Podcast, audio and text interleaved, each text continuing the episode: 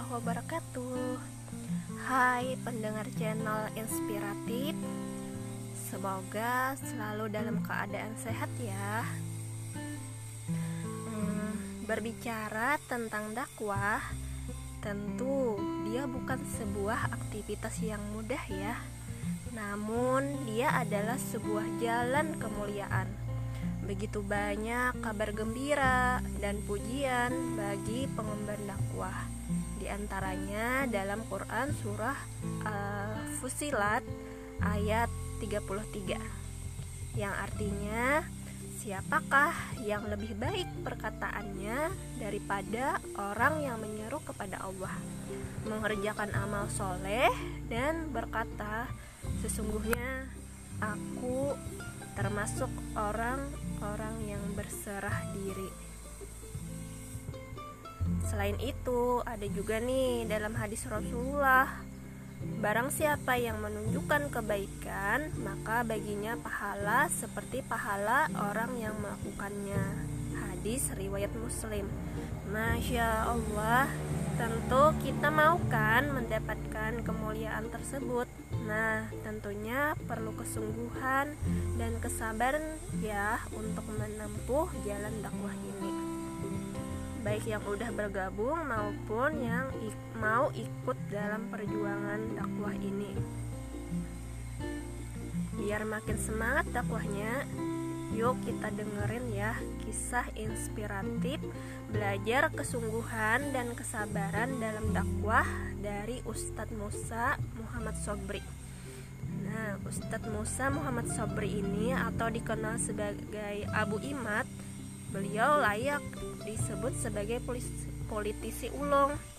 Mengapa? Karena beliau bukan sekedar paham tentang ilmu-ilmu politik, tetapi beliau juga paham bagaimana melakukan analisis politik serta beliau juga beraktivitas politik dengan melakukan berbagai kontak dengan intensitas yang tinggi.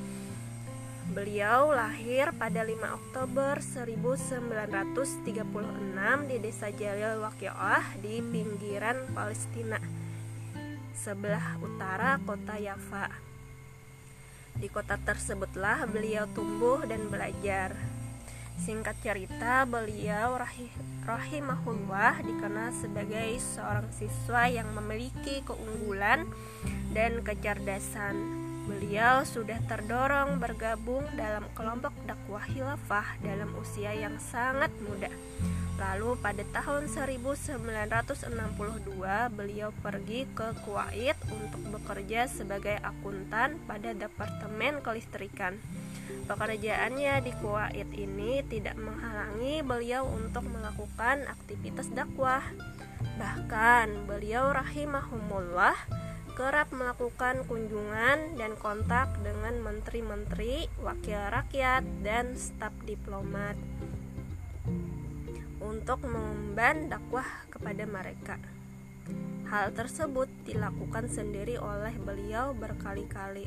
Nah, pada tahun 1971 beliau mendapat amanah untuk memperkuat dakwah di Suriah. Aktivitasnya terus berlangsung hingga tahun 1972 beliau ditangkap. Setelah dipenjara, alih-alih surut langkah, beliau justru lebih bersemangat untuk melakukan aktivitas dakwah. Pada tahun 1977 itu pula beliau pindah ke Yordania untuk menjalankan amanah dakwah, menjadi salah satu pimpinan tertinggi dalam kelompok dakwah tempatnya berkiprah. Saat itu beliau mendapat amanah untuk mempersiapkan selebaran politik karena memiliki keunggulan dalam fakta-fakta politik. Beliau juga telah menulis buku yang bukunya ini jilid pertamanya telah diterjemahkan ke dalam bahasa Indonesia dengan judul Hegemoni Barat terhadap Percaturan Politik Dunia yang diterbitkan oleh Wahyu Press Jakarta. Nah, sahabat Abu Imad e, bercerita Ustadz Abu Imad banyak melakukan kontak terhadap staf diplomatik di negeri-negeri Islam. Kalau anggota wilayah yang lain kontak paling tidak empat kali dalam sebulan, beliau bisa melakukan kontak dengan staf diplomatik asing 30 sampai 40 kali dalam sebulan. Masya Allah. Ustadz Abu Imad adalah seorang yang serius dan selalu menjadikan urusan dakwah dan politik sebagai persoalan utama dalam benaknya. Dia sangat mencintai aktivitas politik.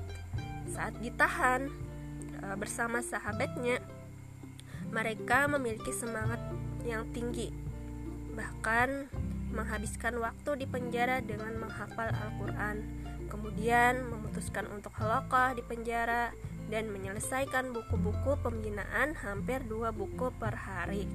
Kemudian mulai mengkaji secara serius buku-buku teori politik dalam bahasa Inggris, peristiwa-peristiwa terkini, ekonomi, dan sejarah.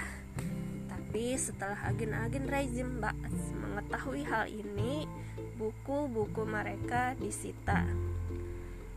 Ustadz Abu Imad menghabiskan hari-hari terakhir hidupnya di Yordania dengan amanah dakwah yang luar biasa. Beliau berkali-kali dijebloskan ke penjara hingga menderita sakit jantung. Beliau adalah politikus yang ulung, membaca banyak jurnal-jurnal politik berbahasa Inggris seperti Foreign Affairs, setiap bulan, demikian pula jurnal politik berbahasa Perancis dan surat kabar. Beliau juga mengarang buku Afkar Sia-Sia dan buku dan dua jilid buku tentang 200 tahun perkembangan politik di Eropa. Beliau tetap menjalankan analisis politik sampai akhir hayat. Pandangan Abu Imad seputar politik bahwa seorang pengamat politik atau analis politik adalah orang yang menghukumi muatan berbagai aktivitas politik yang biasanya disebut dengan peristiwa politik dari aspek motivasi dan tujuannya. Lebih jauh lagi, beliau memaparkan seorang politikus pada satu sisi aktivitasnya adalah seorang pengamat politik, sementara dari sisi yang lain adalah seorang pengambil kebijakan politik sebagai respon terhadap berbagai informasi dan laporan atas berbagai peristiwa politik yang sampai kepadanya. Tentu sangat sulit, namun harus dilakukan. Jika tidak, menyebabkan seseorang keluarga atau umatnya menjadi mainan pihak lain sehingga seperti bulu yang diterbangkan angin yang akan diombang-ambingkan dan datang sesukanya. Keputusan tersebut juga harus diambil secara objektif setelah melalui kajian dan analisis sehingga keputusan diambil jauh dari sifat emosional, reaktif, dan tekanan realitas. Abu Imad wafat di jalan dakwah. Beliau termasuk salah seorang yang bersemangat dalam mempertahankan dan membela dakwah saat ada di antara rekan-rekannya yang gugur dari jalan dakwah. Beliau tetap dalam keadaan ini hingga akhir hayat. Nah, pada hari Senin 9 Syawal 1425 Hijriah atau 21 November 2004, Abu Imad, seorang yang sangat cerdas dan sungguh-sungguh dalam berdakwah, akhirnya wafat. Beliau telah menghabiskan waktunya dengan aktivitas politik untuk menyeru kepada agama Allah Subhanahu wa taala dan rasulnya.